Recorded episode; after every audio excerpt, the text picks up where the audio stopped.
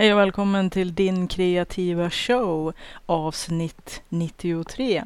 Jag som pratar heter Katrin Sidharta Tangen och är järnsmed och författare bland annat. Idag tänkte jag prata om lite olika saker, en lite gott och blandad påse kanske man kan kalla det. Det är första delen av december och jag kan meddela att jag faktiskt skrev 50 plus ord, 50 000 ord med 3000 ords marginal här i november för Nanovrimo. Så jag är ganska nöjd. Även om att det alltid blir någon slags eh, post-nanovrimo eh, blues efteråt. Så att jag är några dagar efter att eh, den sista november har passerat fortsätter att logga in på nanovrimo.org. Men samtidigt kanske det är ett bra betyg och att det känns som ett sätt att runda av en en månad lång rush att försöka skrapa ihop 50 000 ord. Jag lyckas inte varje år. Det har varit lite varannat år varianten här på slutet. Men jag är nöjd varje år som jag skriver överhuvudtaget. För det blir några tusen ord som jag annars inte skulle ha skrivit. För det mesta brukar jag hamna någonstans kring 40 44 000 ord. Men det är lika gott så. Jag tänkte också prata om ett fenomen som jag tycker mig ha märkt nu på senare tid, som jag inte tycker är speciellt trevligt och inte speciellt kul. Ett tag tänkte jag, kan jag verkligen hålla rant i min egen podd? Och kom fram till slutsatsen att ja, det kan jag nog för det är min podd. Men jag ska inte bli så himla långvarig utan jag tänkte bara nämna det här fenomenet som jag hoppas att inte folk slutar med. Eller i alla fall om de har lyssnat på den här podden inser ifall att de själva sysslar med. Eller reflektera över om de själva har upplevt det. Och det är nämligen det här nya att folk bara skriver en one eller two-liners i ett mess. Alltså en enda mening som sms. Och det kan man ju tänka, vad är det för fel med det? Nej, det är inget fel alls med det. Förutom om det råkar vara komplett främmande personer som jag inte har i min telefonlista, så jag har ingen aning om vem de är. Och det är personer som är folk som antingen är intresserade utav att handla i min onlinebutik, i min webbshop, som finns på en länk på www.sidharta.se. Eller personer som har handlat via Tradera eftersom att jag också säljer en del överskott och prylar där som jag försöker att eh, avyttra. Och då är det ju väldigt märkligt tycker jag, personer som jag överhuvudtaget inte känner och eh, som jag inte har minsta ledtråd om vilka de är, som ställer frågor, oftast en enda rad, som också kan röra en eh, vara eller någonting som de har köpt. Och eh, jag vet inte om det beror på att de tror att de är den enda personen i hela universum. Så att jag måste veta att just de har en fråga kring, eh, ja vad ska vi ta? Ett eh, gäng eh, halsbandslås som de har köpt. Hur ska jag veta vem de är? Eller någon som eh, har en fråga kring en vara som de har köpt på Tradera och samma sak där. Då måste de tro att de är den enda personen som har handlat någonting så jag automatiskt måste veta vem de är. Det tycker jag är lite konstigt. Eller om de kanske tror att deras mobilnummer automatiskt kommer att eh, konverteras till ett namn för mig när jag får smset. Det gör det inte. Jag har Truecaller som talar om vilka som har ringt, men jag får ingen notifikation om vem personen som har skickat ett mess helt anonymt till mig är. Och eh, man kan ju faktiskt, om man nu skulle spetsa till det hela lite grann, börja med vanlig simpel artighet. Som till exempel hälsningsfras, meddelande, hälsningsfras slash vem man är. Det vill säga Hej, jag undrar om det här karbinlåsen jag har köpt, bla bla bla. Tack i förhand eller hälsningar slash smulan 88 på Tradera eller vad det nu är för någonting. Eller kanske till och med smulan 88 och ens vanliga namn. Det skulle ju ge mig en ledtråd om vem de är och vad den här frågan egentligen handlar om. Det här kan ju kännas som oerhört simpelt att behöva sitta och säga i en podd om vuxna människor. För det handlar om vuxna människor. Man måste vara 18 bast för att få handla. Eller därutöver i webbutiker och, och göra affärer på Tradera. Så jag känner det lite som herregud har det gått så här långt nu att folk tror att de kan skriva en enda mening helt anonymt, skicka till en helt okänd person som de själva är för, för den personen är helt okänd och den personen ska automatiskt veta vem de är och vad de vill och varför. Folk är inte tankeläsare. Det här kan komma som en jättestor överraskning, jag vet. Men jag kan inte tankeläsa. Jag tror att faktiskt nästan ingen annan kan tankeläsa heller. Därför så, om man nu bortser ifrån grundläggande artighet, för ibland kan jag känna så här också. Where is your manners? Vad har den vanliga simpla artigheten som man visar alla i en vardaglig situation varje dag. Att man säger hej och god morgon till sådana som man åtminstone de man är relaterad till. Och att man håller upp dörrar till folk som kommer efter en direkt efter eller till och med före ifall att man känner att en person har händerna full eller vad som helst. Och att man använder hälsningsfraser när man skickar sms och mail. Det är väldigt enkelt. Nu är det ju en del personer som tycker att de bara behöver skriva till exempel VGD. Vad gör du? Och inte ens med ett frågetecken. Jag känner, om den här personen inte har engagerat sig mer i den som de vill ha kontakt med. Så att de inte örska skriva mer än tre tecken. Varför skulle jag örska skriva mer än tre tecken? Eller kanske inga tecken alls. För det är uppenbart att den här personen inte investerar en enda mikrosekund av sig själv eller sin tid. Varför skulle någon engagera sig tillbaka? Det blir någonting att tänka på. Food for thoughts. Om jag inte engagerar mig i någon annan, varför skulle de engagera sig i mig? Och det här är inte Typ att kunna peka och säga att alla andra gör så här, varför ska jag vara bättre? Jo, du ska vara bättre. Och jag tycker att det är ingen ursäkt att andra beter sig för dig att också bete dig på samma låga nivå. Håll din egen högre standard. Det är mitt tips. Och sen samtidigt också att inte överhuvudtaget presentera sig eller sitt ärende på ett korrekt sätt. Det känns så väldigt noll vuxenpoäng och så kast rent ut sagt. Så jag blir lite i beråd. Hur ska jag göra med de här? Det här är inte jättevanligt, men jag har mer och mer börjat märka det på slutet här. Är det här en trend att folk bara tar för givet att man ska kunna messa någon och de ska omedelbart veta vem de är, vad de vill, var de kommer ifrån. Och inte ens utan att skriva varken hej eller hälsning eller hej då eller vem de är. Det skulle ju faktiskt kunna vara i sin absoluta kortform. Jag undrar över de här karbinlåserna. Har du dem i en större förpackning? Frågetecken. Hälsning Margareta från Sunne.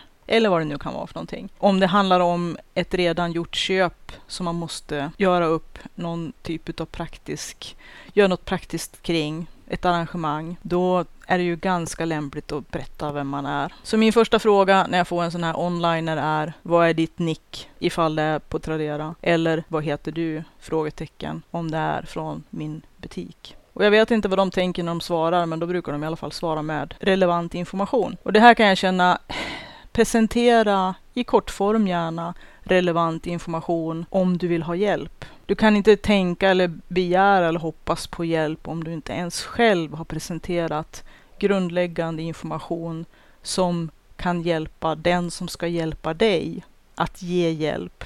Det är ju en ganska simpel ekvation även om att den är lite knölig att berätta så här i en podd. Jag tror på karma. What gets around comes around. Så att eh, man kanske får räkna med att man får till slut samma paket tillbaka. Och om man har sysslat med dåliga ovanor och olater så kommer det att komma ofelbart tillbaka till en själv. Och då är det väl säkert många som kommer att bli både bittra och cyniska och eh, anklaga hela världen för att inte fatta någonting och vara känslolösa och eh, ignoranta och hänsynslösa och gud vet vad mot just dem. Men du får nog samma paket tillbaka och det här tror jag är kanske baksidan utav vårt informationssamhälle. Lite ironiskt, vårt informationssamhälle. Nästan samma skämt som vårt papperslösa samhälle. Men det var min rant.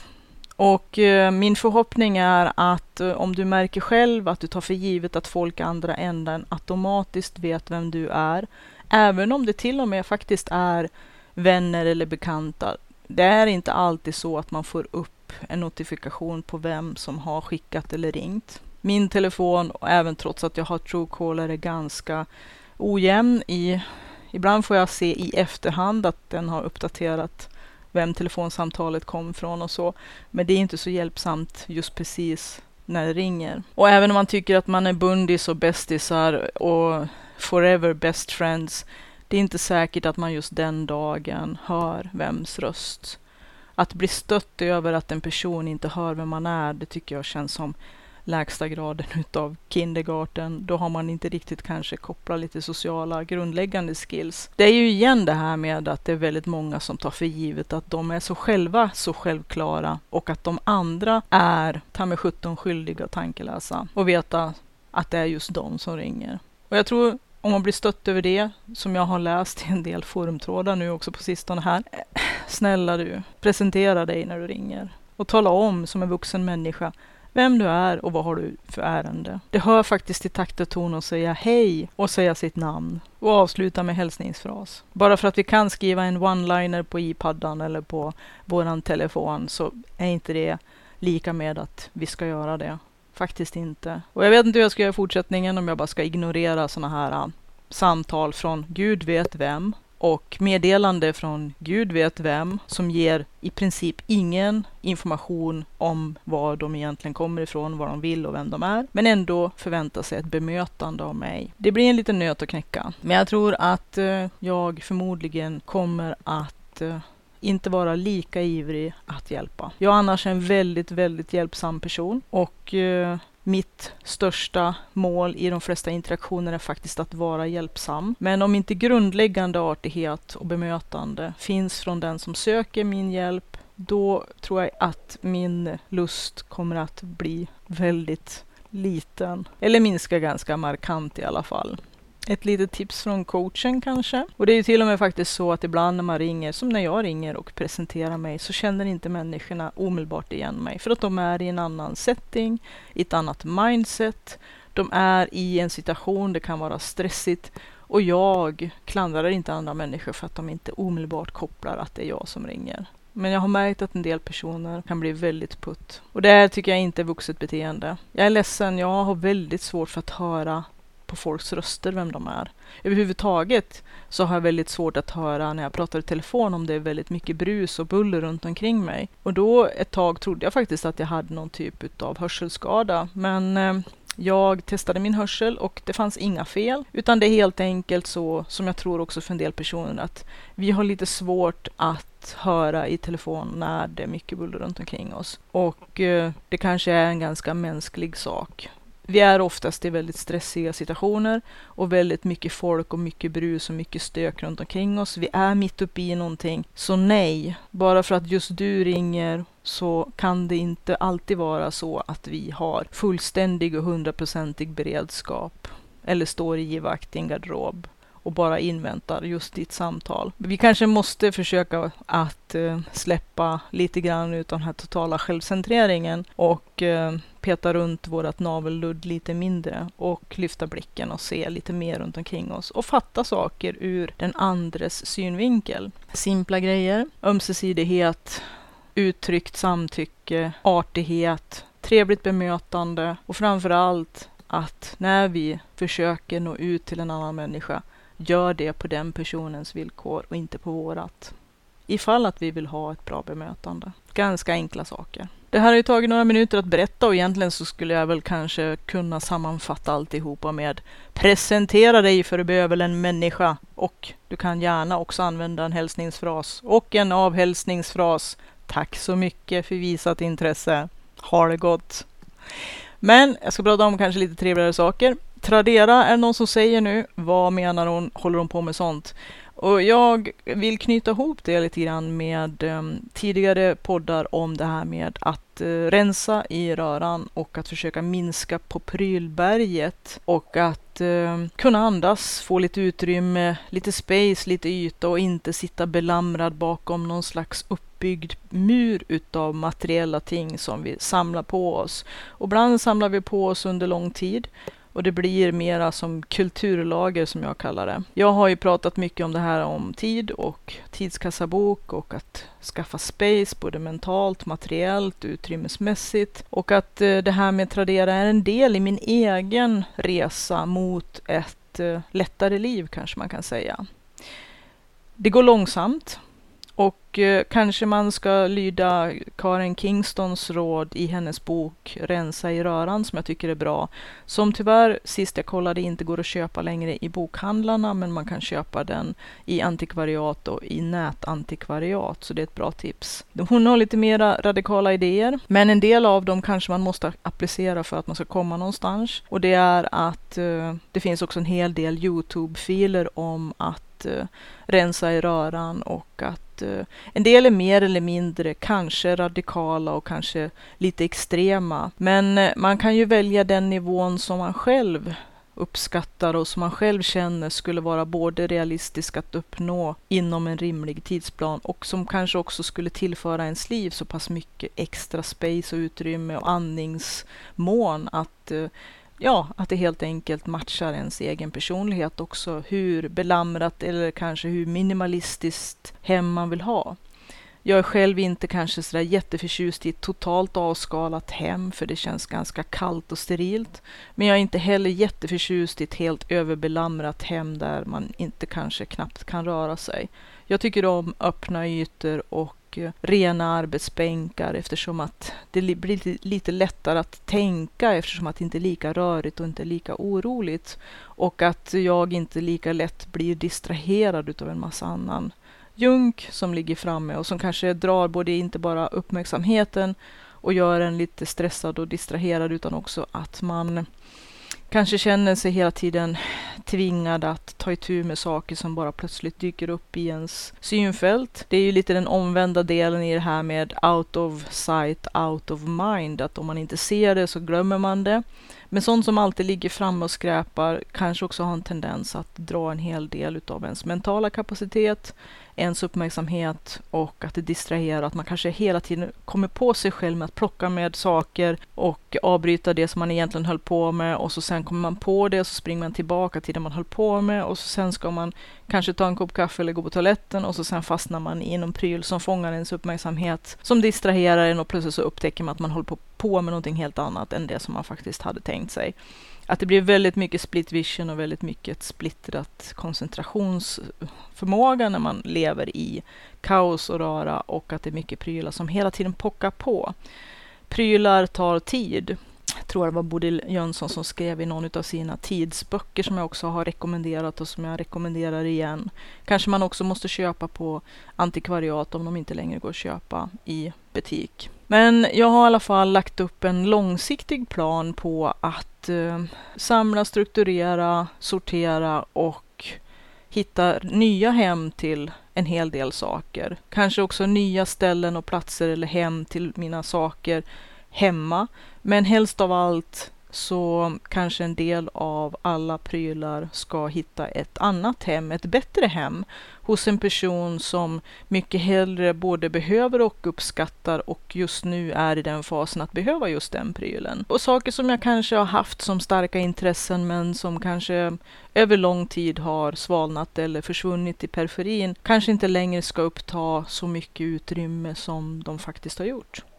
Så att jag har bland annat eh, sålt en, en hel samling med miniparfymer som jag haft länge. Och eh, den lådan med miniparfymer renderade 1300 spänn. Och det var ju väldigt små summor för varje på Tradera, men jag tyckte ändå att okej, okay, det är en hel del jobb att packa och skicka iväg.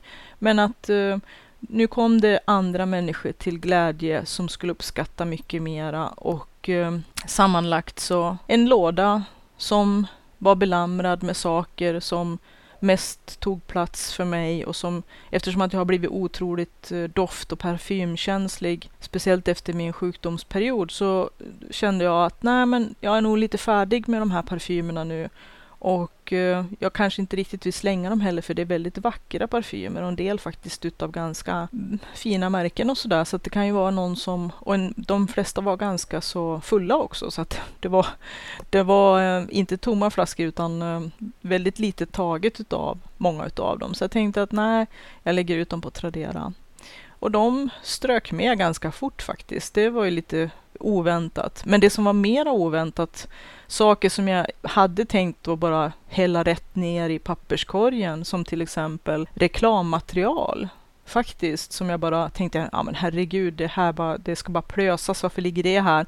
Men sen kom jag ju på, jag hade själv fått ett meddelande en gång ett mejl ifrån en mamma som hade skrivit till mig att hennes son samlade på reklamprylar och undrade om jag i min firma hade sånt som jag skulle vilja skicka till honom. Och att det faktiskt finns samlare som samlar på alla möjliga saker. Och det kan ju vara saker som en annan kanske tycker är väldigt konstigt och suspekt och, eller udda eller sånt som vi själva har noll som helst intresse för. Men som för nördar och de som är riktigt fördjupade och som är kännare och konnässörer och allt möjligt, de som är samlare, vet kanske är väldigt speciella och unika prylar för just dem i deras subkultur eller i deras intresse. Så att jag tänkte, ja men vad sjutton, jag lägger väl upp de här som en annons. Så att jag hade faktiskt lite i och för sig speciella reklamprylar från typ 150-årsjubileum och eh, en väldigt liten, eh, förmodligen en väldigt liten eh, omgång tillverkade skjortknappar eller såna här kaffs, jag vet inte vad det heter, manschettknappar heter det, som var stämplade och med något fint märke på sådär. Så jag la ihop alla reklamgrejerna i en liten hög och fotade och la ut på Tradera och det blev budkrig på det och jag bara men gud, det som jag hade bara tänkt att hälla i sophinken direkt. Men jag hade väl en liten aning om att det kunde finnas någon som var intresserad och samlare. Det finns samlare som samlar nästan, nästan vad som helst. Och för dem är det här äh, saker som, ja, de kanske skulle bli himla ledsna om jag hade hällt det direkt i papperskorgen för att det var lite speciella grejer. Och, och jag, men jag blev väldigt förvånad när det nästan omedelbart utbröt ett budkrig på de här sakerna. Så bara för att de inte är värdefulla eller speciella för mig eller har spelat ut sin roll för mig så kan det ju faktiskt finnas människor som för dem är det här någonting som de skulle bli jätteledsna om de hamnade i sopkorgen. Man kan i alla fall ge det en chans. Och jag kan i alla fall säga att Tradera har ju blivit en liten ventil att faktiskt få bort en del utav mitt eget materialöverskott eller de här prylarna som jag känner börjar kväva mig, som jag inte antingen inte behöver eller det är bara för mycket sammanlagt. Jag är ju lite utav en prylsamlare på grund utav, som jag pratat om i en tidigare podd, att en hel del utav mina egna intressen är materialsporter på gott och ont. Och att eh, det är väl också ännu starkare ett skäl till att försöka strukturera och ordna massorna utav material och materiell. Det handlar om två helt olika saker. Material, om man nu ska kalla det för råvara till att själv göra saker. Och materiell som är mera sånt som man har när man är ute i fält. Om man nu ja, jag tänkte inte fördjupa mig i semantiken, men material och materiell är ju två väldigt skilda saker, men allt det där kan ju verkligen belamra ett hem ända upp till ögongloberna. Speciellt som för mig som är en väldigt intresserad både utav sömnad, hantverk, järnsmide, mekgrejer och eh, ja, med min bakgrund helt enkelt. Och med min mans inte minst. Vi har ju tillsammans en hel del ganska så krävande materialsporter med mycket material och dessutom en del intressen som kräver en hel del materiell. Men det har i alla fall gjort att jag har känt att nej, nu är det väl dags att börja försöka rensa i röran, vilket jag gör med ganska många med, med jämna mellanrum, då jag känner att nu är det dags att göra ett ryck igen. Så det är ju liksom en ongoing, pågående progress in work. Men jag känner att nu har det väl blivit en lite mer seriös satsning så att jag har gått över även sådana saker som lite grann tidigare har varit heliga för mig som bara måste vara kvar och verkligen utvärderat och eh, reviderat en hel del om mina egna prylar och uppfattningar om vad jag ska ha kvar och varför det ska finnas. Eller vilka kriterier som ska gälla för att någonting ska få vara kvar eller stanna. En bra regel kan ju vara, som jag vet att en del har infört, att de inte får köpa en enda grej under en viss tid för att helt enkelt sätta ett köp, köpstopp. Och det finns ju en del som har skrivit böcker om just den här typen av resa.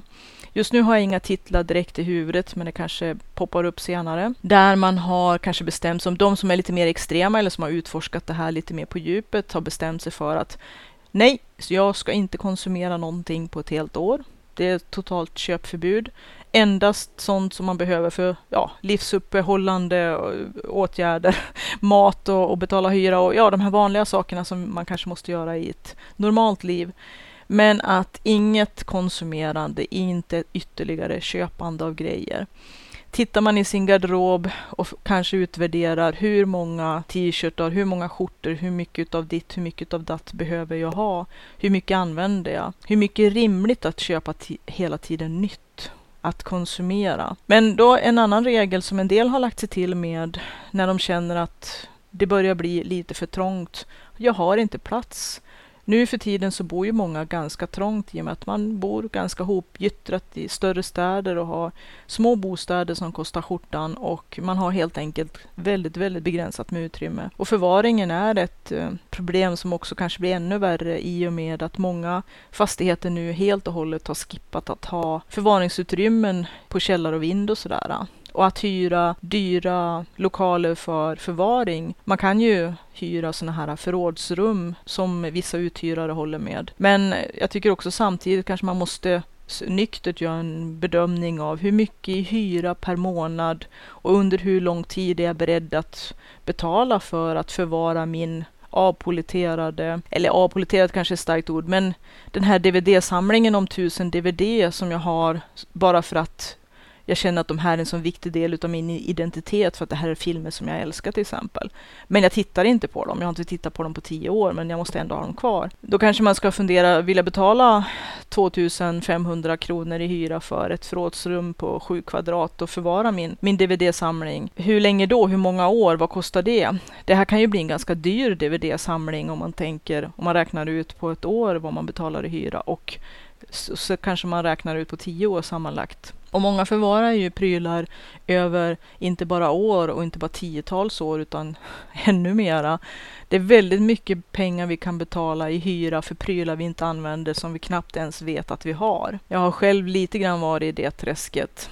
Det är ju var och en måste bestämma sin nivå utav hur mycket prylar hur stora bostadsutrymmen och förrådsutrymmen som man ska betala hyra för, hur mycket försäkringar, hur mycket man ska ägna åt att sköta om, förvalta, hålla rent, försäkra och så vidare, de här prylarna. Det är var och ens beslut och på vilken nivå man vill lägga sig så att säga. Men jag tror att alla kanske kan må bra av att göra kontinuerliga och med jämna mellanrum lite utrensningar och hålla efter sina samlingar och sitt prylberg. Bygger man en murar utav materiella saker för att känna sig tryggare kanske man behöver utvärdera och revidera de sakerna också. Men för min personliga del så har det blivit ett mera nu seriöst och långsiktigt projekt som visserligen kommer att ta tid men också som verkligen är satt i system.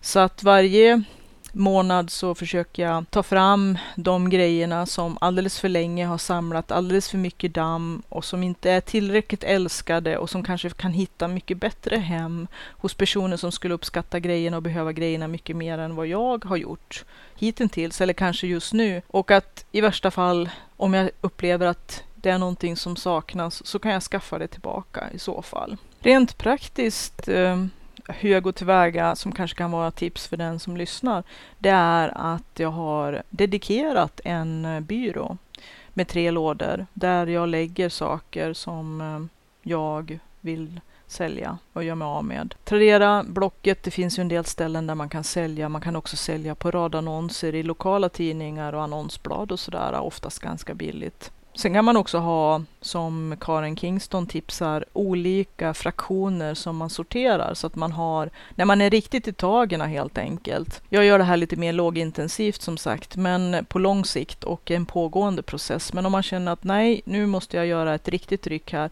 då kan man ju då göra som så att man har kartonger eller sopsäckar som man då gör som olika stationer där man sorterar upp sakerna till lite olika ändamål. Det ena kan ju vara en säck eller en låda som heter återvinning som ska köras på tippen. och det är en som kan kallas för vänner. Man kanske vet saker som andra skulle uppskatta att få. Och en kan ju vara sälj och en kan ju vara vet ej, att man inte ännu har bestämt sig. Och sådana så kan man ha en låda där man lägger saker som sen ska distribueras vidare. Men istället för att springa runt med varje sak en och en så samlar man allting i en låda för att sen då gå en runda genom hemmet för att ge varje sak sin specifika plats att hitta hem så att säga. Och att varje sak ska ha sin egen plats som är fast. Men den regeln som jag höll på och pratade om, men som jag tappade lite tråden, som en del också har infört, speciellt efter att de har gjort sådana här utrensningar, men som också kan vara högst relevant om man känner att nu har prylarna nästan börjat tagit över hela mitt hem och jag börjar kvävas. När man krafsas efter strupen och känner att det här är väldigt svårroddat nu, det är väldigt svårt att städa. Jag känner mig väldigt nästan kvävd och eh, pressad och svettig och sådär. Det är att införa regeln att en sak in så ska två saker ut. Så om jag nu ska köpa en ny tröja så ska två andra tröjor ska bort. Och på det viset så blir det också en lite långsiktig plan att för varje sak som man vill köpa ny eller komplettera med så ska någonting motsvarande eller någonting annat ut för att den ska inte ockupera mera utrymme eftersom att eh, man inte redan har speciellt mycket utrymme eller redan har för lite utrymme. Utan tvärtom så ska det vara att man ska skapa mera utrymme, mera livsutrymme, mera luft, mera space, mera möjlighet att andas. Men också kanske för att begränsa sitt shopping och konsumtionsberoende eh, lite grann eller att tvinga sig att åtminstone som en del har märkt när de har infört den här regeln, när de inser att jaha, om jag ska köpa den här tröjan, då måste jag kasta eller göra mig av med minst två andra. Helst av allt så ser ju jag att man återbrukar, att man ger bort, att man kanske lämnar till second hand det var ju en av de här andra lådorna eller fraktionerna som jag skulle ha nämnt då när man sorterar att en låda för second hand eller för hjälporganisationer också. Men att man eh, inte kanske slänger fullt fungerande hela och rena saker. Men å andra sidan så ska faktiskt inte heller de sakerna råkar hamna i en, en hög som bara blir kvar. För det är väl det som är tendensen när man har högar med saker som ska ta hand om sen. Att de blir oftast väldigt mycket kvar. Att om man lägger i en hög, jag vet inte vad jag ska göra med de här, då ska man enligt Karin Kingstons regler så ska det tas itu med direkt. Att man kan samla det i en låda, att man inte just då när man håller på och rensar vet. Men sen tar man den lådan och går igenom och sorterar i de andra fraktionerna så att den blir tömd. Är det saker som ska vara kvar, då läggs de i lådan där eh, det ska distribueras ut i ens hem och eh, ska det kanske ges till vänner som man vet behöver eller har större nytta av dem eller som faktiskt kanske samlar eller man vet att det här är exakt den rätta grejen för dem. Eller om det är sånt som ska säljas på Blocket, Tradera eller vad det nu är för någonting. Eller sånt som bara ska slängas. Då gör man sig av med allt innehåll i den här vet inte just nu-lådan och fördelar ut i den här. Då har man fått lite betänketid. Ofta kan det vara så att man behöver en liten mental buffert som eh, när man då har eh, sorterat allt annat har fått lite mera perspektiv på faktiskt. Men genom att många då när de har stått i affären och tittat på den här tröjan som är lite lockande. Det här med att shoppa kan ju vara ett nöje och kanske någonting vi gör när vi vill trösta oss eller när vi känner oss ledsna eller när vi vill belöna oss. Det är lite som alla andra saker som både kan vara ett bruk men också kan tangera eller kanske till och med hamna i ett missbruk. Att eh, vi använder det som en flykt eller som ett sätt att döva smärta, att eh, vi känner oss ledsna eller alternativt glada och hela tiden hitta olika orsaker eller ursäkter eller skäl till att skaffa en ny grej som en belöning eller för att döva eller för att trösta eller för att det kan lika gärna vara choklad eller shopping eller sprit eller spel eller sex eller vad vi nu använder. Att kanske vara lite kritisk. Men i alla fall så kan det vara en sak som kan få oss att nyktra till när vi hamnar i lite shopping frenzy, att vi står och håller den här tröjan i handen som visserligen är skitsnygg och det är väldigt bra pris och vi borde slå till. Här är ju också en liten fälla att man kan lätt känna sig... Det är lätt att impulsköpa grejer när man tycker att det är en bra affär eller att man kanske också använder det som ett argument att få gnugga sin lilla, sitt kanske tenderande till beroende att eh, shoppa. Så att, eh, men i alla fall man håller i den här tröjan och då får man liksom dels fundera vad ska jag slänga i så fall? Det finns, den här regeln måste vara absolut. Man får inte fuska med den utan man vet att när jag kom hem då måste jag redan i förväg ha bestämt vad som åker ut innan jag köper den. Lika om man shoppar på nätet, att innan man shoppar och tar hem någonting så ska man veta vilka saker som ska ut och då kan det bli att man inser nej, min garderob innehåller exakt det jag vill ha och behöver och jag vill inte slänga någonting. Alltså kan jag inte köpa den här. Eller att man helt enkelt känner det att Jag har så fruktansvärt mycket i garderoben så att nej, jag kan faktiskt inte motivera att köpa den här. Att man får det här eh, andningstillfället, en stunds reflektion innan man kanske är ivrig utav lite adrenalinpåslag när man är i shoppingtagarna eller kanske rent av i en shoppingspree att man kan hinna nyktra till lite grann innan man springer till kassan eftersom att man måste för sig själv redan och räkna ut vad som ska åka ut. Och när man känner att det kanske blir för mycket besvär eller att man inte är beredd att slänga någonting så kanske man inte ska köpa den här grejen heller. Att man inser nej, idag är inte rätt läge att köpa den här, aldrig hur snygg den är. Och um, jag kan spara pengarna istället. I alla fall så har jag lagt upp en mer långsiktig plan och Eh, den här byrån, då har jag tre lådor. Då har jag den översta lådan, saker som jag har bestämt jag ska sälja eller göra mig av med. Och den mittersta lådan, sånt som jag redan har lagt ut, till exempel på Tradera. Och den nedersta lådan, saker som är sålda. Och det blir väldigt lätt för att jag har full koll på vilka saker som inte än är fotade och sålda och vilka som redan är sålda och vilka som ligger ute. Så det är ett strukturerat system och det är väldigt enkelt för att jag har en fast station hemma där saker som jag ska avyttra har ett hem tillfälligt. Det är ett litet mellanlager. Ett utslussningshem kanske vi kan kalla det för prylhelvetet som man brottas med. Det går som sagt inte jättefort, men samtidigt så har man bara, kanske jag ska säga, eller man har hundra fria annonser på Tradera på det viset att man inte betalar någonting för att lägga ut annonsen. Sen får man betala en viss procent på det man säljer. Men jag känner också som så att det faktiskt är lite trevligt att kunna dels göra sig själv en stor tjänst att avyttra saker som börjar tränga sig på och bli för mycket och att de kan komma till mycket bättre hem till människor som mycket mer uppskattar dem. Och de kan köpa dem, det är det som är meningen med Tradera och Blocket, att göra ett fynd.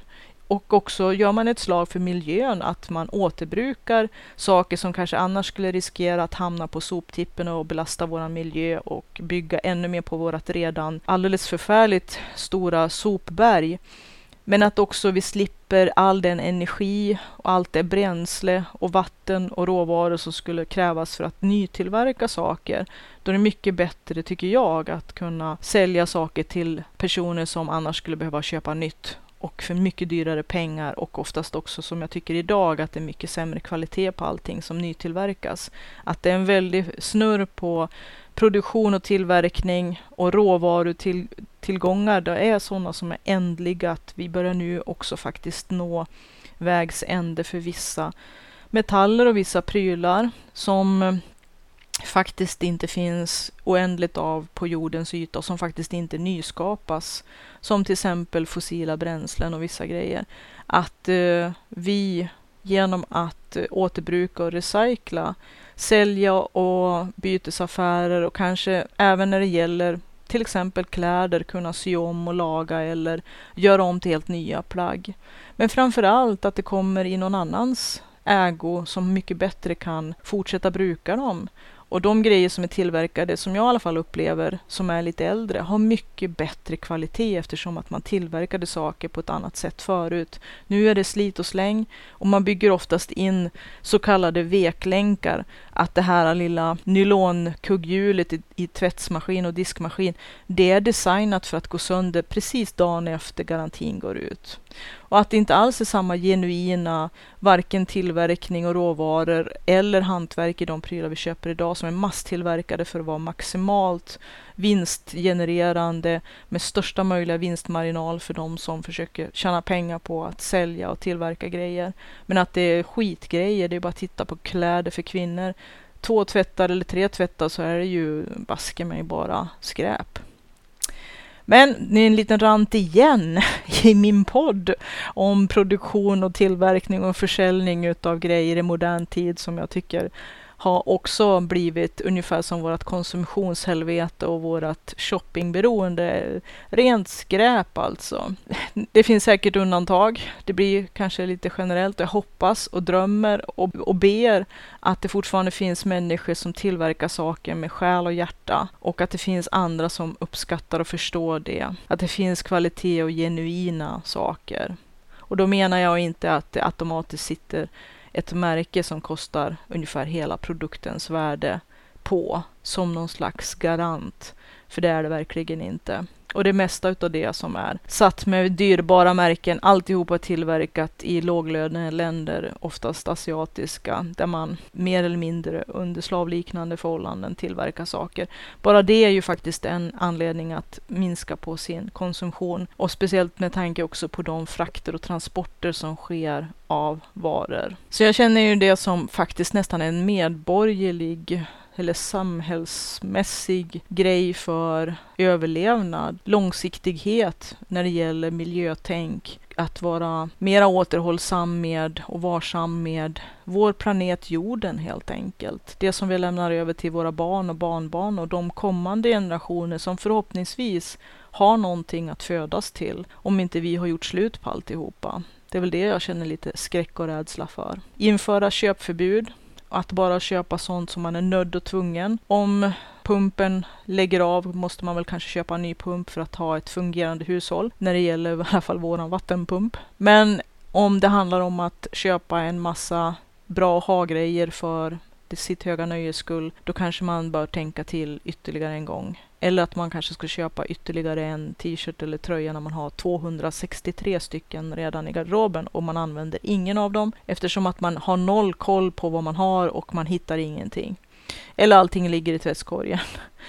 Ordning och reda, det skulle vara någonting att sträva efter känner jag i alla fall. Så därför så har jag dels börjat, som jag har berättat i tidigare poddar, att eh, lite mer noga mäta vad jag gör med min tid. Men också försöka göra en eh, lite mer långtgående och djup satsning på att eh, ta ett slags helhetsgrepp på prylberget som man har samlat på sig.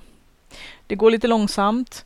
Ibland tänker jag, eller drömmer jag om den dagen när jag får skicka den sista grejen med Tradera och känna att nu, nu är allt klart. Nu har jag tömt hemmet på allt det här äh, överskottet och alla prylar som jag känner bara har kvävt mig eller tagit för mycket plats eller är utrangerade för min del eftersom att det inte längre är ett aktivt intresse eller saker som jag längre tillräckligt mycket uppskattar och använder tillräckligt frekvent och att det är någon annan som mycket bättre kan använda och gör bruk av den här än vad jag just nu gör.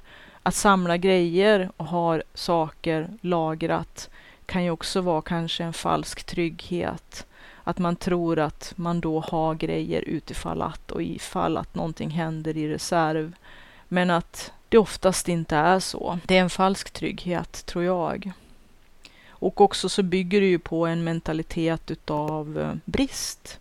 Ett slags bristtänkande som driver oss att eh, samla saker för säkerhets skull. Och det värsta är att en hel del av de grejerna åldras och när vi väl kanske kommer oss för med att använda dem, om vi överhuvudtaget hittar dem, då är de oftast kanske trasiga, tork, har torkat sönder, blivit för gamla eller utav olika skäl har blivit spröda och och eh, obrukbara, att de helt enkelt, tidens tand har gjort slut på dem. Och där står man då med lång näsa och tänker, åh den här som jag hade sparat för den var så bra att ha i reserv och nu när jag ska använda den då visar den sig vara, har den gått ur tiden för att eh, den har åldrats och nu inte längre är brukbar. Det är ju lite sorgligt också faktiskt. Så att, att uh, ligga på en massa hyllvärme, ha en massa lagrat. Det kanske inte alltid är en eh, trygghetsstrategi på det viset som vi ibland intalar oss. Nu är det lite olika på olika saker. Det är ju samma i våran tid med väldigt, väldigt snabba förlopp utav, det är väl också en del som bygger det här konsumtionsstressen och hetsen och helvetet som vi just nu lever i. Det är ju ett ekorrhjul som bara snurrar snabbare och snabbare, att man försöker dels göra allting mindre och mindre hållbart, mindre och mindre möjligt att reparera och vi har mindre och mindre kunskap om att kunna ta hand om och reparera saker, vilket jag tycker är sorgligt.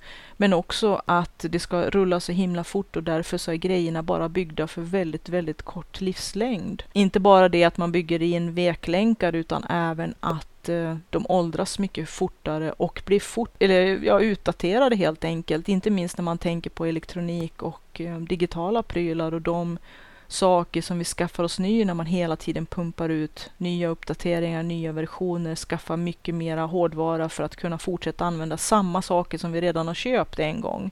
så måste vi ändå fortsätta att köpa för att kunna bruka det vi från början har valt att betala och, och vill ha i vårt liv. Vilket jag också känner som att vi som konsumenter blir en hel del lurade och, och lite rövkörda faktiskt, för att uttala det lite krasst.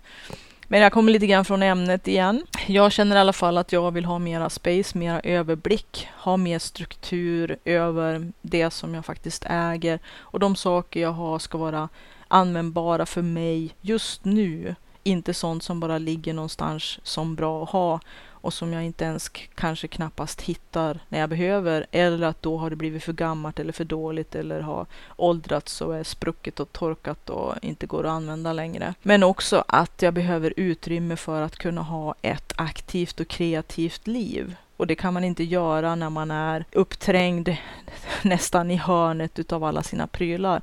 Det låter som att jag lever i ett hushåll med Eh, värsta graden av hoarding. Men det, så är det faktiskt inte. Trots att både jag och min man har ganska extrema materialsporter så har vi en ganska så bra ordning och struktur på det mesta i alla fall. Och vi har gjort en del riktigt rejäla punktinsatser som jag har pratat om i podden, bland annat i somras när vi rensade ett helt uthus på 70 kvadrat på tidigare ägares alla lämnade grejer.